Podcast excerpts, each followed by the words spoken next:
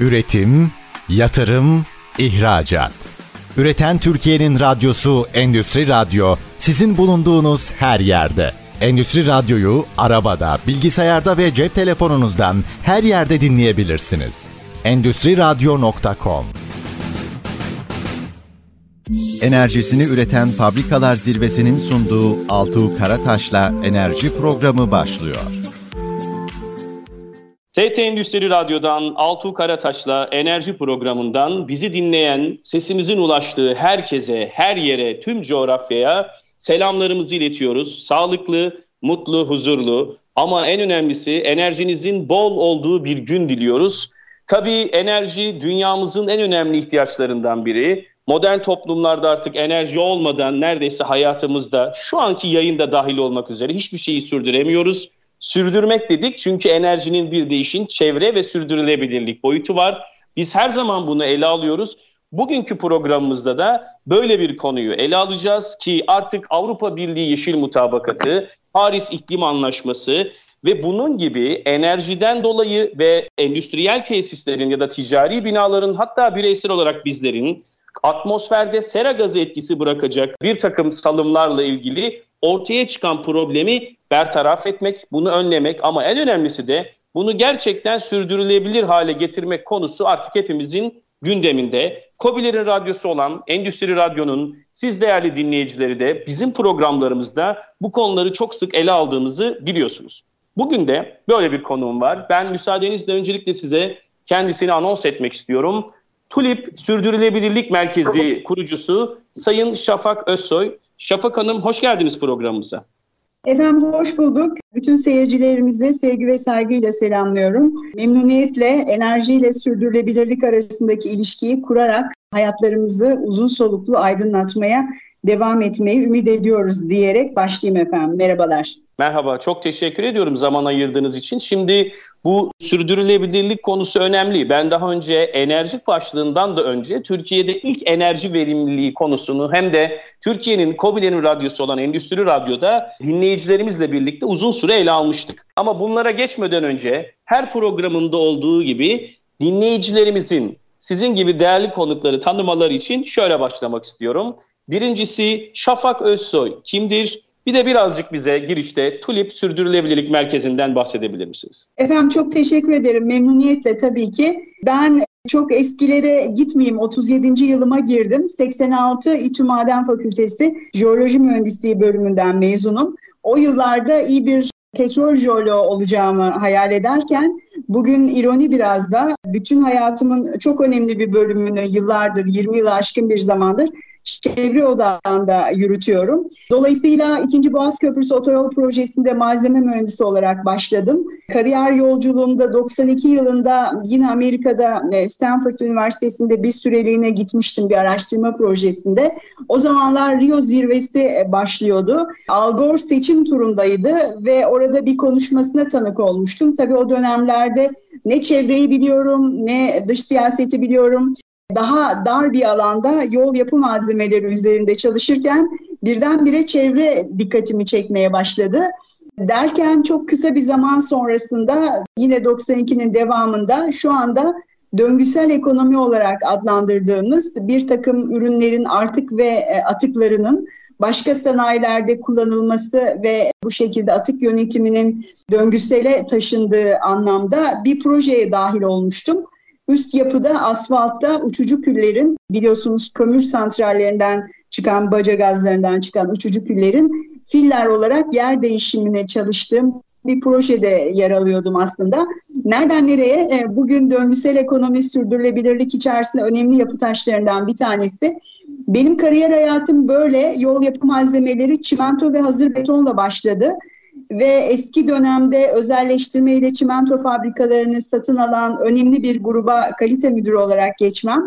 Arkasından 93 yılında Türkiye'de çevre problemlerinin e, özellikle hava kalitesi çerçevesinde gündeme gelmesiyle biz de çevre mevzuatını şu anki adıyla çevre mevzuatı o dönemde böyle 100 150 slaytlık bir sunumla intikal ediyordu ama şu anda günlerimizi alıyor. E, ben böyle başladım çevrenin benim gündemime girmesi de 92 yılı diyebilirim. Sonrasında her yerde çevre konuşulduğunda hep ben böyle bir şekilde gösterilmeye başladım. 2000'li yıllara kadar geldik. 2000'de e, enerji sektörüne geçtim. Arkasından 2002'de TÜLİB'i kurdum. Halen de TÜLİB'in kurucusuyum. Geçen yıl Birleşmiş Milletler Risk ve Afet Ofisi'nin sürdürülebilir şehirler ve dirençlik odaklı bir çalışmasında Türkiye temsilciliğini yürüttüm. Sürdürülebilirliğin olduğu her yerde aşağı yukarı karşı konuya giriyorum bir şekilde. Özyeğin Üniversitesi'nde de iki dönem sürdürülebilir kalkınma dersleri verdim. Ama neticesinde TÜLİP bir insanın bir hayali diyebilirim. Benim de böyle bir hayalim vardı ve izleyicilerimize hangi alana odaklanıyorsanız rüyalarınız gerçek oluyor diyebilirim ama bu rüya tabii ki kolay bir rüya değil. 2000'de 21. yılındayız 2023 itibarıyla. 20 yılı devirdik. Dolayısıyla TÜLİP ne yapıyor? Biz ağırlıklı olarak şirketlerin sürdürülebilirlik dönüşümlerinde, stratejik dönüşümlerine destek veriyoruz. Tabii ki 2002'de kurulduğumuzdaki görev tanımlarımız ya da çalışma alanlarımız içerisinde kalite, çevre, iş sağlığı, güvenliği ve kurumsal acil müdahale ile birlikte kurumsal sosyal sorumluluk olayı vardı. Bu zaman içerisinde evrilerek bazı modüllerin bizim kapsamımız içinden çıkmasına, bazı modüllerin de girmesine neden oldu. Bugün ağırlıklı olarak karbon yönetimi, iklim değişikliğiyle mücadele ve şirketlerin karbon nötr bir yol haritası hazırlamalarından tutun da sürdürülebilirlik dönüşümlerine destek vermek üzere bir yola çıktık. Dünyanın yolculuğu, enerjinin yolculuğu diyoruz ve bugün de bu konuları konuşuyoruz sizinle efendim. Evet yolunuz açık olsun diyeceğim. Gerçekten de bu yol çok açık. Hem dünyamız hem bireysel olarak bizler için gerçekten yaşanabilir bir çevre ve dünyamızı mevcut en azından değerleriyle koruyabilme gerçekten çok önemli oldu. Onun için ben de konuyu önemsiyorum. Şimdi benim de uzmanlığım olan kısımla ilgili sorarak başlayacağım. Ben de enerji verimliliği üzerine uzun yıllardır hizmet veriyorum. Enerji verimliliği ile sürdürülebilirlik arasındaki ilişkiyi soracağım size. Çünkü biz sürekli enerji verimliliği konusunu gündeme getiriyoruz. İlk yakıttır diyoruz. Hatta en ucuz enerji enerji verimliliğidir diyoruz. Çünkü sıfır karbon. Yani zaten salım yapmış olduğunuz karbonu önlüyorsunuz. Hem de daha fazla enerjiniz oluyor. Ya da birim ürün için daha az enerjiyle aynı işi yapıyorsunuz. Ben onun için ilk sorumu böyle başlayayım. Enerji verimliliği ve sürdürülebilirlik arasındaki ilişki nedir? Aa, çok teşekkür ederim. Şimdi tabii şöyle enerji verimliliği bizim için çok önemli. Neden? İzah ettiğiniz gibi özellikle iklim yüzyılında enerjiyi ne kadar az kullanırsanız ayak iziniz de o doğrultuda azalacaktır. E, doğada her şeyin bir ayak izi var ve yine bildiğiniz gibi biz enerji konuştuğumuzda ısınma kaynaklı enerji kömür odaklı ilerliyor. Tabii burada bir ironi mi var diyebilirsiniz. Yani ben jeoloji okudum ve bizim maden fakültesi tamamen fosil kaynaklar odağında bir olayı biz ele aldığımız bir e, bölümdü. Dolayısıyla biz fosil kaynaklar dediğimizde enerjide kömürü anlıyoruz. Ulaştırma kaynaklı da da fuel ve petrol ve türevlerini alıyor, anlıyoruz bildiğiniz gibi. Dolayısıyla biz verimlilik bir kere verimlilikten konuştuğumuzda ve konu enerji olduğunda birinci öncelik ayak izimizi azaltacağız. Tabii ayak izini azaltmak hem mali açıdan hem de iklim değişikliğiyle mücadelede karbon ayak izinizin aşağıya çekilmesi Dolayısıyla sizin sera gazı etkinizi de aşağılara e, çeken bir e, hadise. Öte yandan Avrupa Birliği'nin 2030 hedefi içerisinde de e, karbon nötr hedefi içerisinde de taahhütlere baktığınızda bu taahhütler içerisinde enerji verimliliği önemli bir maddeyi karşılıyor. %55'lik bir azaltım taahhüdü verildiğinde bunun içerisinde enerji verimliliği ve bu arada laboratuvarlarda çalışılan yeni nesil araştırmaların, ARG'lerin de fiili uygulamaya yansımasıyla birlikte farklı farklı azaltım unsurları da devreye girecek. Bakın ben size bir, bir örnek vereceğim. Yıllar evvel 50 bin bir enerji yönetim sistemleri, daha doğrusu şöyle izah edeyim. 2009 yılında Avrupa Birliği enerji paketini açıkladığında ve beraberinde de enerji verimliliğini sistematik ve planlı bir yaklaşımla kurum ve kuruluşların ukdesine yansıtmak amaçlı 50.001 standartı o zamanki adıyla EN 16000 standartı enerji yönetim sistemi standartında yayınlamıştı. Birkaç vakit sonra bu standart 50.001 olarak yayınlandı Ve orada da bizim gördüğümüz enerji verimliliğiyle siz yani kısaca planlı ve sistematik hareketler bütününü iş sürecinize yansıttığınızda karşınıza çıkan verimlilik çalışmaları çok daha farklı. Yüzde yirmilerin üzerine de çıkabiliyor. Ama siz bunu bir planlı ve sistematik hareket bütününe dönüştürmediğiniz zaman yıllar içerisinde yüzde beşin üzerine çıkamıyor verimlilik faaliyetleriniz. Dolayısıyla enerji verimliliği sürdürülebilirlik teması içerisinde çok önemli bir kademedir ve dolayısıyla da limitli bir ayak izi bizim için e, karbon nötr bir dünyaya ulaşmada önemli olduğunu ifade edeyim ben. Tabii küçük ve orta ölçekli işletmeler dediğimiz KOBİ'lerden en büyük sanayiye kadar hatta petrol rafinerilerine kadar nerede enerji kullanılıyorsa Ayşe teyze ya da Ali Rıza amcanın evinden dediğim gibi en büyük sanayiye kadar verimlilik gerçekten önemli ki Türkiye'nin burada sanayide ortalama %25'ler, binalarda da %30 ila %50 civarında bir enerji verimliliği potansiyeli olduğunda bu fırsatla ben de söylemiş olayım. Şimdi ikinci soruma geleceğim e, Şafak Hanım. Burada da şimdi iklim değişikliği konusu çok gündeme geliyor. Hep böyle gözümüzün önünde işte bir denizin üstündeki bir buz parçası, onun üstünde çok mahzun bir şekilde bakan bir kutup ayısı resmi hep iklim değişikliği olarak, simge olarak gözümüzün önüne getiriliyor.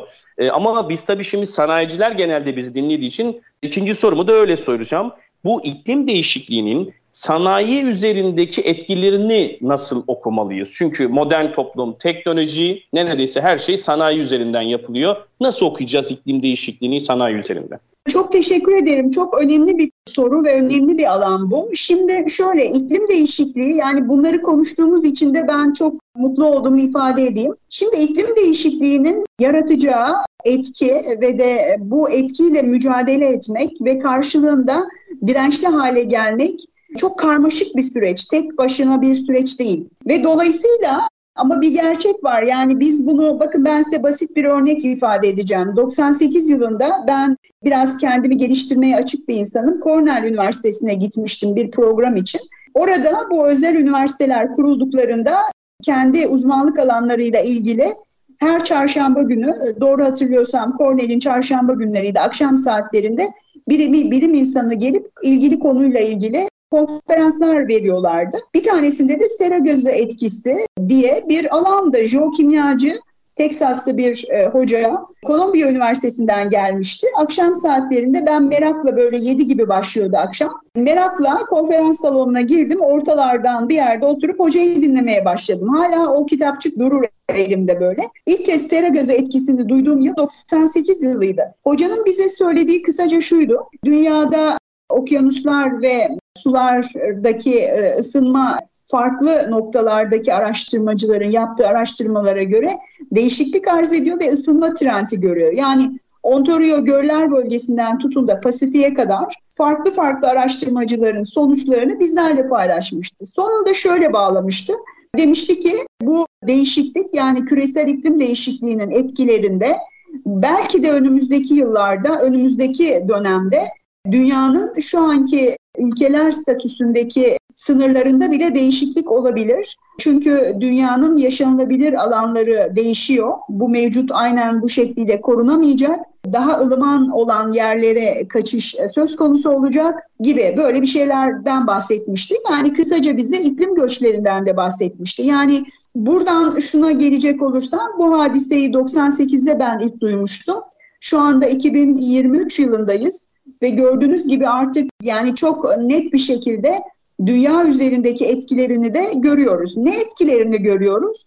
Aşırı yağışlar, sel baskınları, kuraklıklar karşımıza çıkıyor.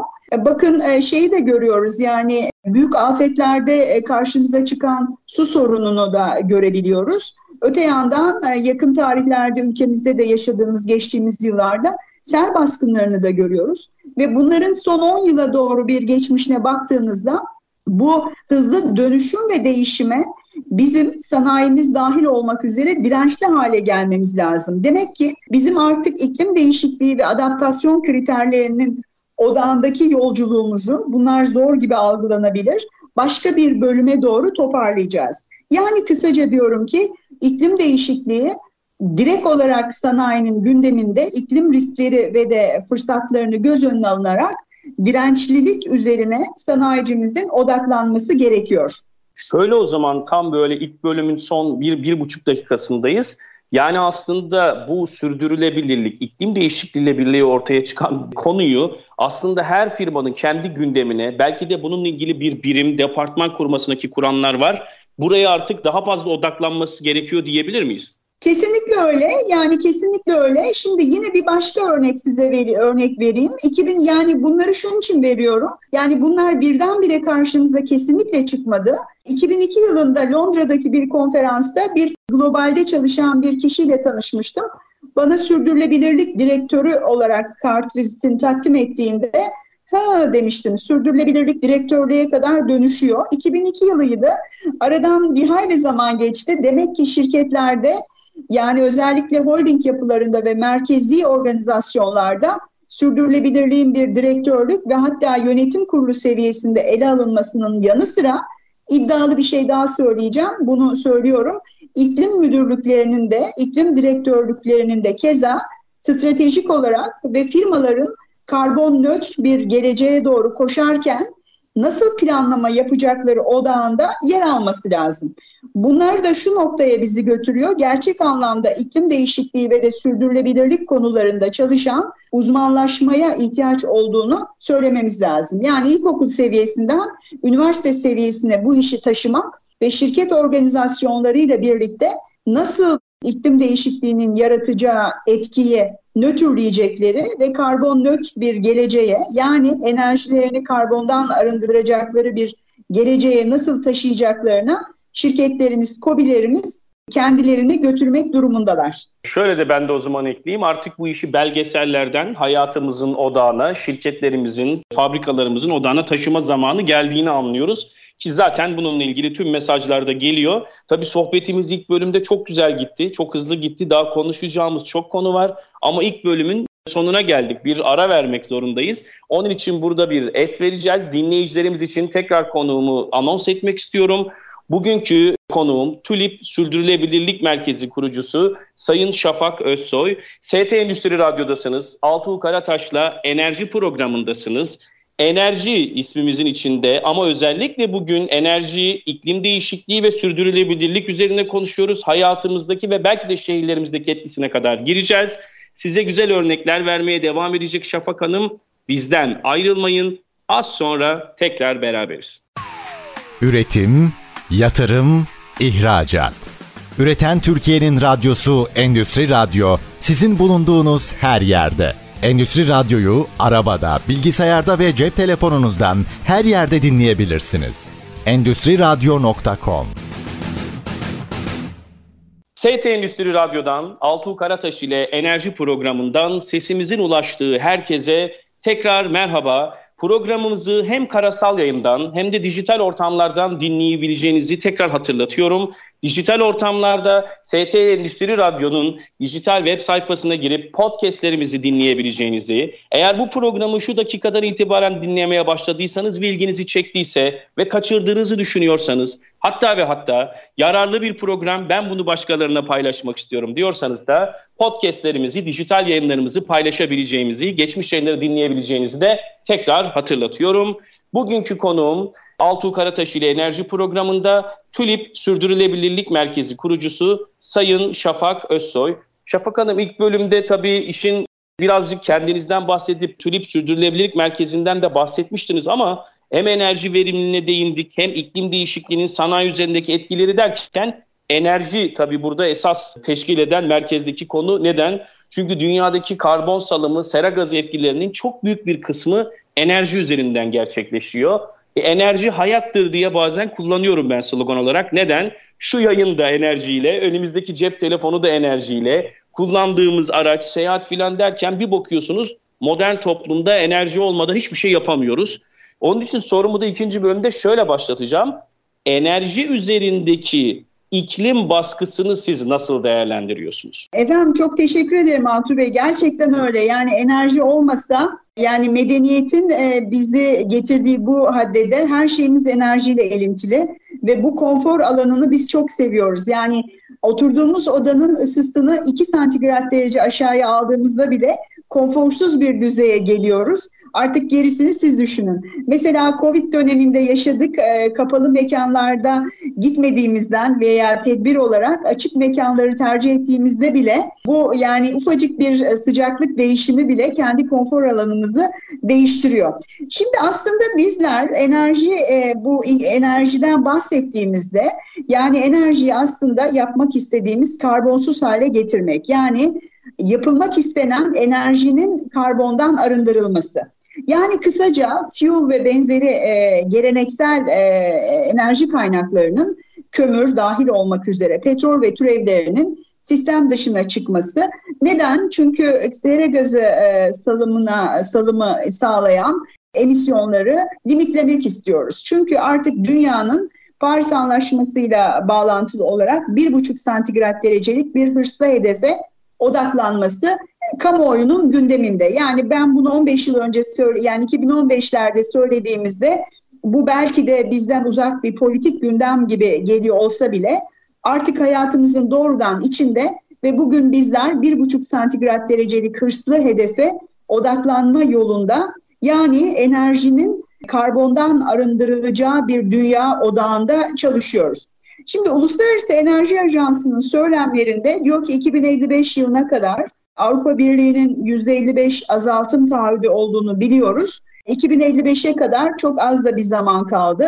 Şu anda laboratuvarlarda araştırma pozisyonunda olan ARGE faaliyetleri ve benzerinin piyasaya çıkmasıyla birlikte 2000, e, 2030'lu yıllarda özellikle verimlilik çerçevesindeki unsurlar ve diğer argelerle birlikte bizim bu fosil kaynakları kullanma cihetimiz azalacak deniliyor.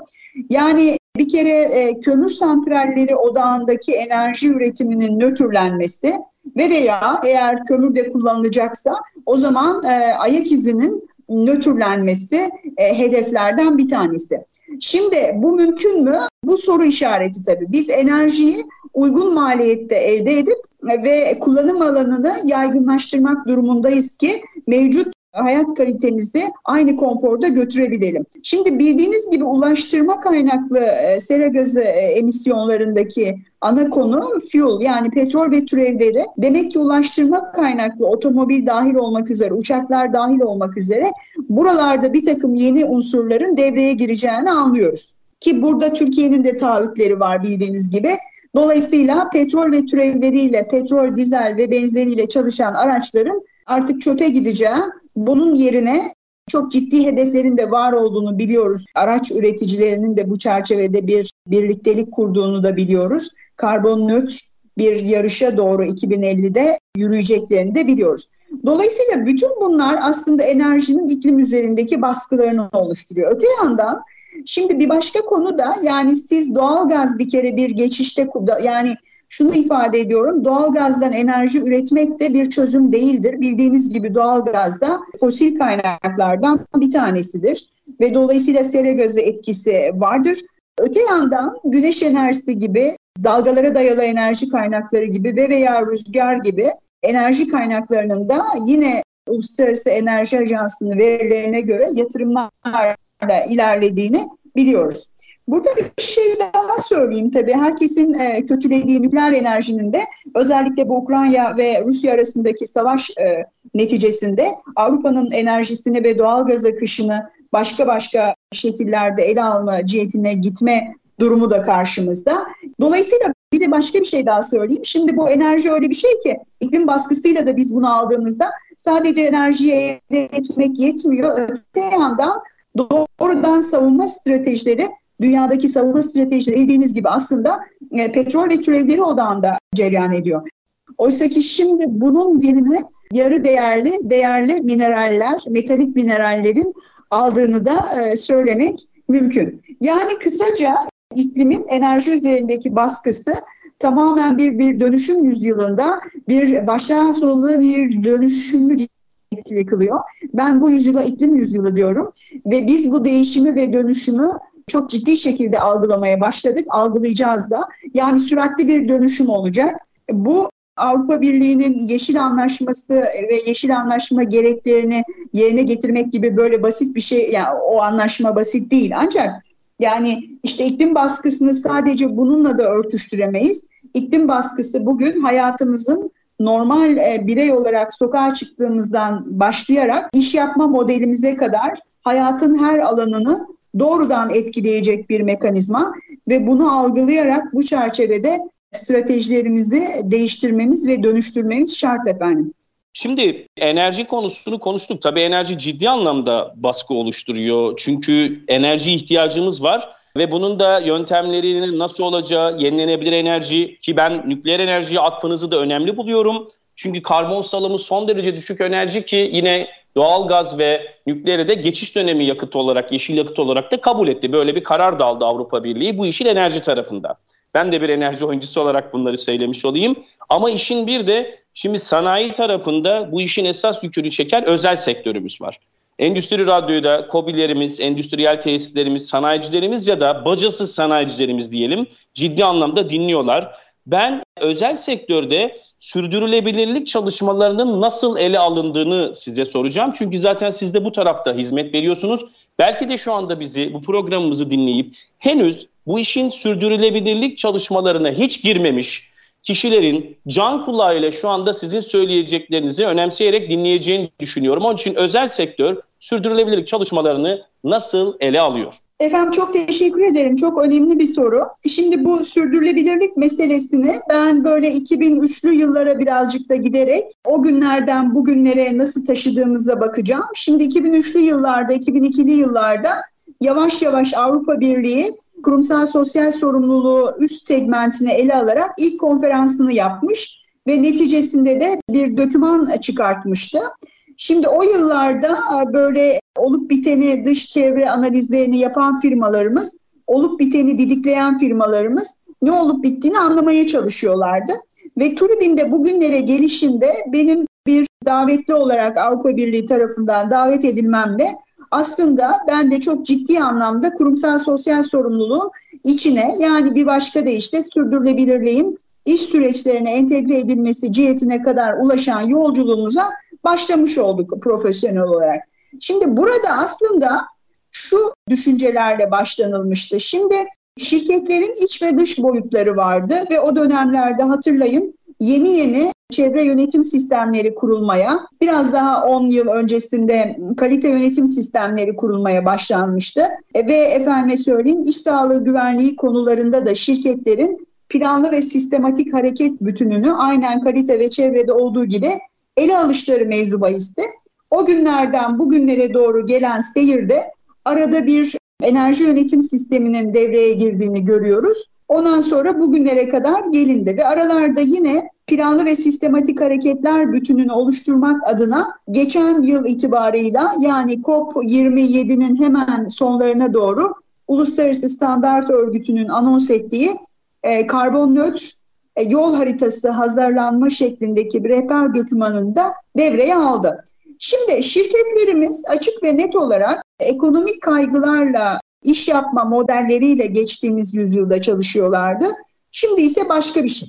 Bu başka bir şey dediğim aslında şirketlerin yasal yükümlülükleri ve de sorumluluklarının yanı sıra şirketlerin duyarlılık mekanizmalarını iş süreçlerine dahil edecekleri ESG de denilen yani çevresel, sosyal ve yönetişimsel gereklilikleri ekonomik gerekliliklerle birlikte ele alacakları bir mekanizmaya şirketlerimizi götürme zorunluluğu var. Yani kısaca şirketlerin ekonomik performanslarını raporlarken bunun yanı sıra çevresel performanslarını, karbon ayak izlerini, su ayak izlerini, enerji yönetimlerini, enerji verimlilik çalışmalarını, havaya, suya, toprağa verdikleri ayak izlerini aşağıya çekecek gereklilikleri, raporlamaları ve beraberinde biyoçeşitlilik dediğimiz, bunu belki birkaç cümleyle daha ifade edebilirim, biyoçeşitlilik dediğimiz gereklilikleri de ele alarak raporlama cihetine gitmeleri söz konusu.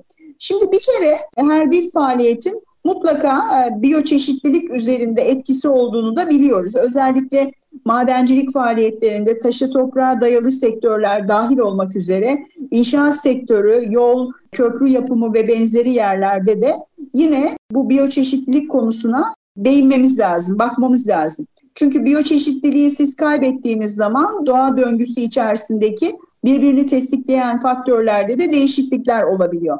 Şimdi yani bu besin zinciri gibi bir şey.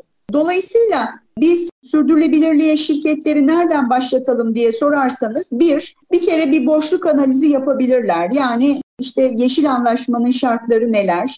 Yakın ve uzak çevre analizlerinde yine yasal ve yükümlülük gereklilikleri ne bekliyor sizden? Mesela iklim değişikliğine bağlı olarak Türkiye'nin de bir hedefi var, karbon nötr hedefi var 2053'te. Bunun size kırılmaları neler olacak? Bir karbon vergisi gelecek mi? Su kıtlığına doğru gidiyoruz. Nasıl olacak bunlar? Yani kısaca iklime dayalı ve sürdürülebilirliğe dayalı risk ve fırsatları göz önüne alacakları bir yaklaşıma doğru gitmeleri lazım.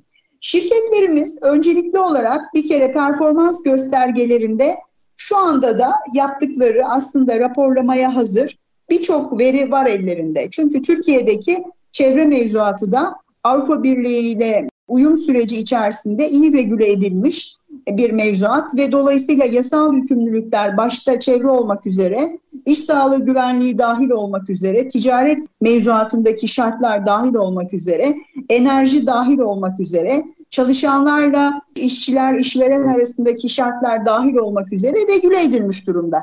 Yani halen raporlayacakları ellerinde pek çok parametre var. Yani enerjiyle ilgili parametre var, iş sağlığı güvenliğiyle ilgili parametreler, eğitimle ilgili parametreler, çalışan bağlılığıyla ilgili parametreler dahil olmak üzere hava kalitesi, su kalitesi, atık yönetimi dahil olmak üzere bir dolu parametre ellerinde yer alıyor. Şimdi bunun dışında, bunun dışında şimdi yine biz bu geçtiğimiz yıllarda üst yönetimlerle yaptığımız yani birinci derecede ve ikinci derecede yönetim kurulunda yer almış üyelerin de katıldığı çalışmalarda şunu gördük. Türk sanayicinesinin verimlilik daha doğrusu yetkinliklerle ilgili bir sıkıntısı var. Şimdi geçen gün ben bir e, YouTube'da bir şey izliyordum. Oradaki bir deneyimli bir profesyonel şunu anlatıyor. Diyor ki bundan epey bir hayli yıl evvel Singapur e, geri kalmış ülkeler ligindeydi. Ama bugün Singapur'a baktığımızda ben 95'te e, gitmiştim Singapur'a. O haliyle bu halini bile kıyasladığımda o kadar çok değişiklik var ki birçok şeyin yeni halini ben Singapur'da görmüştüm 95'e git 95 yılında gittiğimde. Dolayısıyla ama Singapur ne yaptı? Singapur nasıl bugüne geldi? Yetkinliklerini yöneterek geldi. Yani insan kalitesi ve eğitim odaklı yetkinlikleri yöneterek bu hale geldi. Dolayısıyla bizim de önümüzde yetkinlik mekanizması var. Yani yetkinlikler konusunu üst yönetimlerin ele alacakları e, yetkinliklerle ilgili bir stratejik yol haritası oluşturmaları önümüzdeki unsurlardan bir tanesi. Yani sürdürülebilirliğe başlayan şirketler özetlersem bir boşluk analizi yapabilirler. Performans göstergelerinde şu anda neleri ele alıyorlar, neleri ele alabilirler. İki, artık ve atıkların yani döngüsele kayarak özellikle üretimde faaliyet gösteren firmalarımızın buradan nasıl bir katma değer yaratacakları, nasıl inovatif ürünlere bunu zaman içinde dönüştüreceklerine odaklanacakları bir çalışmaya girmeleri lazım. Ben bütün e, tabii bu arada tabii ki su ve karbon ayak izlerinin hesaplanması ama bildiğiniz gibi hesaplamak bir azaltım taahhüdüne sizi götürmüyor. Yani siz e, hesapladıktan sonra yani nasıl bir azaltım taahhüdü vererek 2050 dünyanın yol haritasında, Avrupa Birliği'nin yol haritasında kendinizi yani enerjinizi nasıl karbonsuz hale getireceğinizi de planlamak durumundasınız. Bu sanayimizin gelecek rekabet stratejileri için önemli bir hem fırsat ve aynı zamanda bir risktir. Dolayısıyla bunları yönetmek için sürdürülebilirlik aslında bir çerçeve bizlere e, yaratıyor ve bu çerçeve yeni bir yönetim anlayışının da yeni demeyeyim de yani e, bir hayli zamandır konuşuyoruz. 30'lu yılları geçirdik. Ekonomik kaygılarla ele aldığımız yönetim modellerinin yerine çevresel ve sosyal kaygıları da sisteme entegre edeceğimiz bir bakışı gerekli kılıyor. Burada tabii şunu anlıyorum ben. Aksiyon. Artık aksiyon zamanı. Kağıt üzerinde değil. Yetkinliklerden de siz bahsettiniz. Tüm kadromuzun, ekiplerimizin, insan kaynağımızın gelişmesi, bu işle ilgili kalite standartları da dahil olmak üzere artık aksiyon zamanı Gene sohbet tabii ikinci bölümde çok hızlı geçti. Bir ara vermek durumundayız. Üçüncü bölümde devam edeceğiz. ST Endüstri Radyo'dasınız. Altuğ Karataş ile enerji programındasınız. Konuğumuz TULIP Sürdürülebilirlik Merkezi kurucusu Sayın Şafak Özsoy. Enerji, enerjide sürdürülebilirlik, hayatımızda ve şehirlerimizde sürdürülebilirlik ve yeşil dönüşümü konuşmaya devam edeceğiz. Bizden ayrılmayın. Az sonra beraberiz. Üretim, yatırım, ihracat. Üreten Türkiye'nin radyosu Endüstri Radyo sizin bulunduğunuz her yerde. Endüstri Radyo'yu arabada, bilgisayarda ve cep telefonunuzdan her yerde dinleyebilirsiniz. Endüstri Radyo.com ST Endüstri Radyo'da Altuğ Karataş ile enerji programımızın 3. bölümünden bizi dinleyen herkese tekrar merhaba. Karasal yayında Sakarya'dan İzmit'e, İstanbul'dan Yalova, Bursa, Balıkesir, Manisa, İzmir, Ankara, Konya, Gaziantep derken Türkiye'nin birçok şehrinde artık karasal yayında da Endüstri Radyo'yu dinleyebiliyorsunuz. Bugün de Endüstri Radyo'da sürdürülebilirlik konusunu özellikle merkezini alarak konuşuyoruz. Kiminle konuşuyoruz? TULIP Sürdürülebilirlik Merkezi kurucusu Sayın Şafak Özsoy. Şafak Hanım ilk iki bölümde gerçekten sohbet son derece akıcı geçti. Ben şimdi endüstriyle ilgili sorduk, özel sektörü sorduk, enerjiyi sorduk. Üçüncü bölüme şu soruyla hemen başlamak istiyorum. Hayatımızın sürdürülebilirlik etrafında dönüşümü sizce mümkün mü? Yani bireysel olarak bizler de bunu başarabilir miyiz? Valla Altu Bey ben öyle olmasını diliyorum. Bence mümkün. Kolay mı? Değil. Çünkü geleneksel yaklaşımlarla e, yani kullan at, üret at, yani eskiden bir kalem aldığımızda pazarlama stratejileri keza aynı şekilde dönüşüme ihtiyacı var. Bir kalem aldığımızda eskiden sadece bir kalem alırdık. Şimdi o kalemi o kadar güzel kutularla vesaire alıyoruz ki hatta bazı ürünler kutularıyla doğrudan anons ediliyor, kutularıyla hatırlanıyor. Yani üründen çok kutusunu ve ambalajını alma cihetine de gidiyor insanlar. Tabii yani sürdürülebilirlik e, belki de bize bir yalınlığı da getirmek e, durumunda. Etkimizi insan olarak ayak izimizi azaltacak çözümlere gidilmesi lazım. Bu belki de yani alışa geldiğimiz pazarlama politikaları, üretim politikalarıyla da ilintili bir şey. Yani bana göre mümkün ancak bu mümkün dediğim konunun altını açtığımda ciddi bir farkındalık, bireysel farkındalık, kurumsal farkındalık ve tabii ki yerel ve bölgesel ve de efendime söyleyeyim uluslar cihetinde bir farkındalığa ihtiyacımız var. Bu çerçevede mesela bazı ürünlerin geri dönüşümü, ambalajlarının geri dönüşümü bile mümkün değil. Dolayısıyla bu ürünlerin geçmiş yıllarda 50'lerde 1960'larda piyasaya sevk edilmesiyle o ürünler o ambalajlarla tüketiciyle buluşturuluyor. Ama mesela sıfır atık olgusu çok önemli ben bulduğum bir olgudur sıfır atık. Bir hem ülkemizde hem de Avrupa Birliği'nde bu anlamda çok ciddi çalışmalarımız var. Dolayısıyla bireysel olarak çevre doğrudan bireyin algısıyla ilintili. Yani bireyin farkındalığıyla, yüksek farkındalığıyla ilgili. Yani ben bir elmayı dalından koparttıktan sonra onu yedikten sonra doğaya nasıl bunu geri kazandırabilirim? Yahut da bir kağıt parçasını alıp yırtıp kullanılamaz hale getirdikten sonra bunu evsel çöplüklere vermenin yaratacağı problemleri algılamamız gerekir. Öte yandan herhangi bir kimyasalı bir toprağa döktüğümde yaratacağı kirlilik ve orada yaşayan faunaya, floraya yaratacağı etkiyi algılayacak bir bireysel farkındalığa ve kurumsal farkındalığa ihtiyacımız var. Bakın ben şöyle bir şey söyleyeyim. Çevre önemli yani sürdürülebilirliği konuşurken bunun altındaki çevre ve atık yönetimi bu çerçevede önemlilik arz ediyor. Şimdi özellikle moda endüstrisinden tutun da yiyecek içecek endüstrisine kadar pek çok endüstrinin doğada yarattığı ayak izi farklılık arz ediyor. Ben hep soruyordum kahve mi çay mı diye. Tabii biz çayı da çok seviyoruz, kahveyi de çok seviyoruz. Ama ve lakin çayın ayak izi e, kahveye göre daha az. Dolayısıyla ben hep şunu söylüyorum. Tabii ki bir takım markalarla e, küreselde hem bize kahve satılıyor hem e, yani hem Türkiye'de kahve satılıyor hem İtalya'da kahve satan zincirler var. Dolayısıyla ama kahve aynı zamanda ayak izi münasebetiyle susuzluk nedeniyle önemli bir fiyat artışıyla da karşımıza çıkacak. Öte yandan yine döngüsel olarak baktığımızda bir sürü yaşantımıza dokunan kafelerden yemek alanlarına kadar buralarda daha az su ayak izi olan gıdaların, daha yerel gıdaların devreye gireceği yaklaşımlara ihtiyacımız var. Bunlar zor mu? Hayır hiç zor değil. Mesela gittiğimizde hep şekerli ürünler e, ya da efendim söyleyeyim kalp sağlığımız için, hayatımız için problem teşkil edecek ürünleri ön satlarda görüyoruz kafelerde ya da lokantalarda. Ama bunun yanı sıra ayak izi az olan daha sebzeye, meyveye ağırlıklı hayat kalitemizi de güzelleştirecek gıdalara ulaşsak aslında hayatımız daha kolay olacak. Dolayısıyla bunları da düşünerek aslında toplumsal bir dönüşüme ihtiyaç var.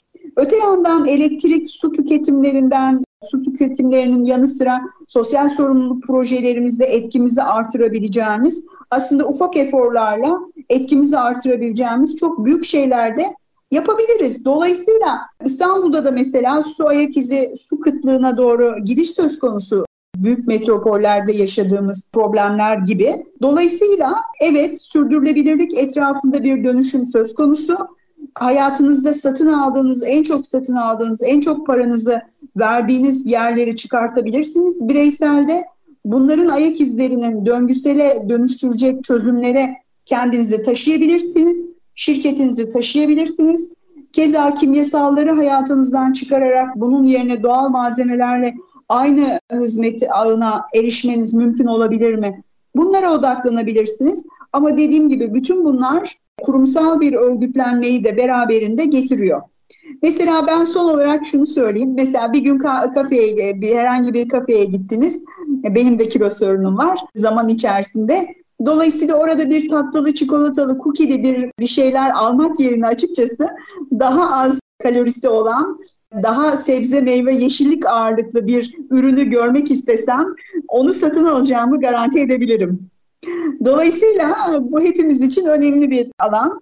Böyle diyeyim. Buyurun efendim. Güzel, güzel de bir örnek oldu. Ben de şöyle belirtmiş olayım. Aslında yapabileceğimiz çok şeyler var. Çok basitinden iş yerlerimizde ya da evlerimizde musluğun ucuna takacağımız basit bir perlatörden tutun daha az su harcamak için tasarruflu duş başlığına ya da ben kendi evimde yapıyorum kızımla birlikte. Cam şişeleri, plastikleri sıfır atık dediğiniz ayrıştırıp bunların hepsini tekrar geri kazanım için yönlendirmek. Ve bence en önemlisi tabii bu eğitim ve farkındalığın artması ama aşırılıklardan aslında kaçınmak, aşırı tüketimden makul kelimesini çok seviyorum Şafak Hanım. Ben bu makul şeyine odaklanmamız gerektiğini, makul olanın peşinden gitmemiz gerektiğini düşünüyorum. Ben de böyle sizinle birlikte bir mesaj vermiş olayım. Şimdi bir başka soruya geçeceğim. Çünkü biz e, Avrupa Yeşil Mutabakatı'nda biliyorsunuz 2050 karbon nötr kıta olma hedefini koydular. E, biz de 2053 olarak açıkladık. Bu karbon nötr yol ha- haritasından tabii bahsediyoruz. Hem Avrupa'nın hem de bizim de böyle bir haritamız var. Yol haritamız. Hedefler koyuyoruz. Bu konuda özel sektörün de kendi karbon nötr yol haritasıyla ilgili neler yapması gerektiğinden biraz bahsedebilir misiniz? Valla tabii şöyle ben hiç unutmuyorum İstanbul Sanayi Odası'nda 2009 yılında 14.064 dediğimiz karbon ayak izi envanteri standartı eğitimini verdiğimizden bugüne bir hayli zaman geçti. Şimdi demek ki aslında şirketlerimiz bugün de aynı şeyi konuşuyoruz. Yani aslında karbon ayak izinizi ve de tedarikçilerinizin size mal ve hizmet sağlayan taşeronlarınızın, müteahhitlerinizin dahil olmak üzere karbon ayak izlerini nötrleyecek bir seviyeye onları çekmeniz aslında hedef. Tabii bir hedefi yerine getirmek için önce ölçmeniz lazım. Yani önce ayak izinizin ne olduğunu bir ölçmeniz. Ölçmek yeterli değil. Mesela bizde de ölçtük diyorlar. Tamam çok güzel. Ölçtükten sonra mutlaka azaltım taahhüdü vermek zorundasınız. Sadece kendi sınırlarınız içerisinde değil, size mal ve hizmet sağlayan firmalarında ayak izlerini nasıl aşağıya çekecek şekilde sizin kendi sosyal etkinizi artırabileceğiniz imkanlarla birlikte onlara da destek olabilirsiniz. Mesela bu yıl daha doğrusu 2022'nin sonlarına doğru bu bir harcama kalemi aynı zamanda önemli bir globaldeki şirket tedarikçilerinin tamamında karbon ayak izinin hesaplanması sonra azaltım taahhüdüne gideceği anonsunu verdi. Tabii bu kadar insana bunları yaptırtmak tabii ki bir maliyete sizi götürecek ama bu böyle bir şey. Yani kısaca şirketlerimiz önce ayak izlerini kendi sınırları içerisindeki ayak izlerini hesaplamalı. daha sonra azaltım taahhüdü vermeli, daha sonra onlara mal ve hizmet sağlayan firmaların ayak izlerini ölçmeleri ve aynı şekilde onlar için de azaltım taahhüdü verme yoluna gitmeleri lazım. Şimdi ben basit bir örnekle bağlayayım. Mesela şirketlerde ya da kurumlarda çalışan beyaz yakalı arkadaşlarımızda ya da plazalarda çalışan arkadaşlarımız ben dahil e, bir dönem yani yemek söylüyoruz dışarıdan değil mi? Dışarıdan yemek söylüyoruz. Bir ofiste 20 kişi çalıştığını düşünün. 20 kişi ayrı ayrı farklı yerlerden söylüyor ve onlar için farklı farklı yerlerden ayak izini artırarak birçok e, firma benzer yiyecekleri getiriyor. Hatta bizim ofiste de zaman zaman aynı yerden söylediğimiz yemekler farklı saatlerde gelebiliyor. Dolayısıyla biraz daha bu alana eğilerek bir defada e, getirecek çözümlere gitmek mümkün olabilir. Ya da benzer şekilde artık pandemi sonrasında da uzaktan birçok şeyi yapabiliyoruz. Tabii ki yüz yüze iletişim çok önemli. İnsanız ve sosyal iletişimin çok gerekli olduğunu ben de biliyorum. Öte yandan basit şeyler için uzak mesafelere artık gitmiyoruz. Dolayısıyla ayak izimizi bir hayli azalttığımızı söyleyebiliriz. Yani benzine, yol parasına verdiğimiz giderler cebimizde kalabilir.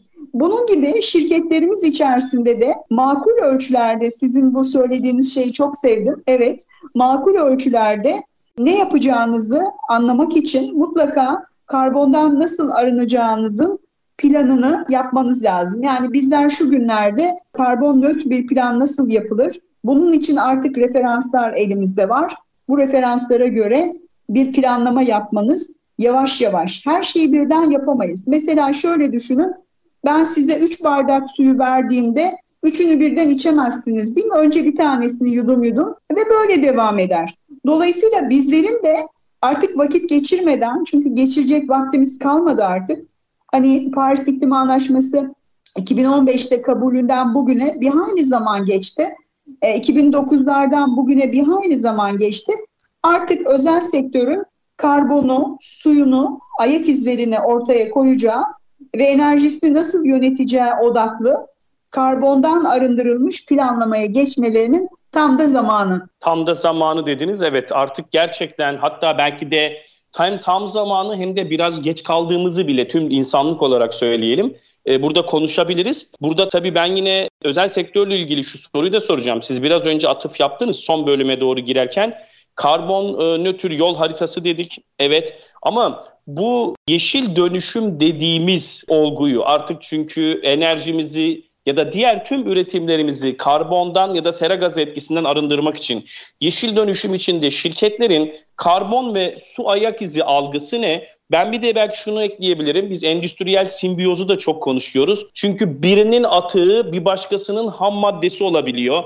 Biraz önce bireyselde ben bunu söyledim. Cam şişe ya da plastiklerimi toplayıp ben mutlaka kumbaralara atıyorum diye. Ama e, bu dönüşüm öyle bir şey ki tekrar geri kazandırmak, israftan aslında kaçınmak. Orada da israf kelimesini özellikle üstünü çiziyorum. Bu yeşil dönüşümde şirketlerin hem karbon hem su ayak izi algısı ve bu döngüsel ekonomiye bakış açısı nedir? Son olarak sizden bunu da dinlemek istiyorum. Valla yani çok teşekkür ederim. Bana göre biraz e, düşük bir algıda bakıyoruz. Yani Avrupa Birliği bunu istiyor diye bakıyoruz. Yeşil anlaşma diye bakıyoruz. Ama bizim bunun ötesine geçmemiz lazım. Yani dünya bir e, çıkmazda hem enerjinin baskısı hem iklim değişikliğinin baskısı, yaşanılan göçler, savaşlar ve benzeri bunlar iklim odaklı ve enerji odaklı birçoğu. Dolayısıyla artık şirketlerimizin şöyle bir lüksü yok. İşte Avrupa Birliği bu, bizden bunu istiyor. Biz ayak izi, işte sınırda karbon vergisi. Ben bunları böyle ifade etmekten yana olmadığımdan dolayı genel itibariyle benim algım şu. Şirketlerimizin küçük bir kısmı bu işin bir hayli farkında ve ilerleyerek devam ediyor. Bir kısım şirketimiz karbon ayak izi ve su ayak izini hesaplama cihetine girdi ve keza bir kısım şirketimizde bu sürdürülebilirlik yolculuğuna çoktan başladı 2010'lu yıllardan itibaren artık yavaş yavaş stratejik olarak sürdürülebilirliği şirket profillerine dönüştürme cihetine gittiler. Öte yandan küçük ve orta ölçekli işletmelerimizde de aslında fırsatların ağırlıklı olduğu bir unsur var karşımızda. Şunu hiçbir zaman unutmayalım ki rekabet edebilen şirketler için benim söylediğim eğitimlerde de iki tane şey var. Yani uzun soluklu bir şirket olmanın yolu hani ben çok akıllı olduğum için falan değil bunu yazmışlar bilimsel bir gerçek. Ben de okudum oradan size söylüyorum. İki yolu var. Bir, yetkinlikleri yani personelinin, çalışanlarının yetkinliğini artıracaksın. Konuşmamızın ortalarında da ifade ettim. İki, inovasyon. Bu iki tane şeyi bünyeni alarak ve networking yani bu üçlü şeyi bünyeni alarak gelecekte rekabet edecek bir şirket olmayı nasıl kurguladığına bakman lazım. Ama ben umutluyum. Şöyle ki umutluyum. Bizim sanayimiz çok hızlı ilerliyor. Çok akıllı üst yöneticiler var. Çok sabırlı, eğitimli e, bizler çıktık. Eğitimli bir altyapımız da var. Öte yandan bir o kadar da bundan uzak bir yaklaşım içerisinde olan gelişimler de var. Dolayısıyla eğitim kalitemizi artırarak şirketlerin aslında bu geniş perspektife odaklanacakları platformlara kaymaları gerekli. Neden gerekli? Rekabet edebilmek için, uzun soluklu yaşayabilmek için. Yani umut her zaman var efendim. Çok güzel söylediniz. Ben yani aslında son 30 saniye sizden böyle bir mesaj isteyecektim ama yine de sormuş olayım. Son 30 saniyede gerçekten bu konuyla ilgili hangi mesajı vermek istersiniz dinleyicilerimize? Efendim şöyle ben 2002'de yola çıktığımda deneyimi paylaşıyoruz mottosuyla yola çıkmıştık. Bugün de kendi YouTube kanalımızda e, sürdürülebilirlik ve iklim ağırlıklı deneyim paylaşım videoları çekiyoruz. Onların birçoğunu eğer izlerlerse de o kadar değerli bilgiler var ki eminim ki birçok arkadaşımızın, birçok şirketin sorularının yanıtları orada gizli. Netice itibarıyla bizler deneyimlerimizle, kendi bilgilerimizi entegre ederek, eğitimimizle entegre ederek yolumuzu sürdürüyoruz. Kısaca şu anda başlamamış olanların şu anda başlamaları için belki de tam zamanı bizi izleyenlerin de sürdürülebilir bir şirket olma yolunda enerjilerini doğru konumlandırma, enerji verimliliğini artırma yolunda, ayak izlerini artırma yolunda bir başlangıç yapmalarının tam da zamanı diyorum. Ümit ediyorum ki bu konuşmamız bizi dinleyenlere ışık olur. Çok teşekkür ediyorum sevgi ve saygılarımla. TÜLİP Sürdürülebilirlik Merkezi kurucusu Sayın Şafak Özsoy. Biz de size çok teşekkür ediyoruz. Hem e, ülkemize ve dünyaya katkılarınız için hem de programımıza katılımınız için. Çok teşekkürler. İyi günler efendim. ST Endüstri Radyo'da Altuğ Karataş ile enerji programındaydınız. Ben Altuğ Karataş. Bir programda da değerli konuğumuzla birlikte sizlere faydalı bilgiler aktarmaya çalıştık. Sağlıklı, mutlu, huzurlu günler diliyorum. Ama en önemlisi enerjinizin bol, enerjinizi üretirken de karbon salımınızın ve sera gazı etkinizin de minimum olduğu günler dileyerek programımızı kapatıyoruz. Sağlıklı ve güzel günler diliyorum. Hoşçakalın.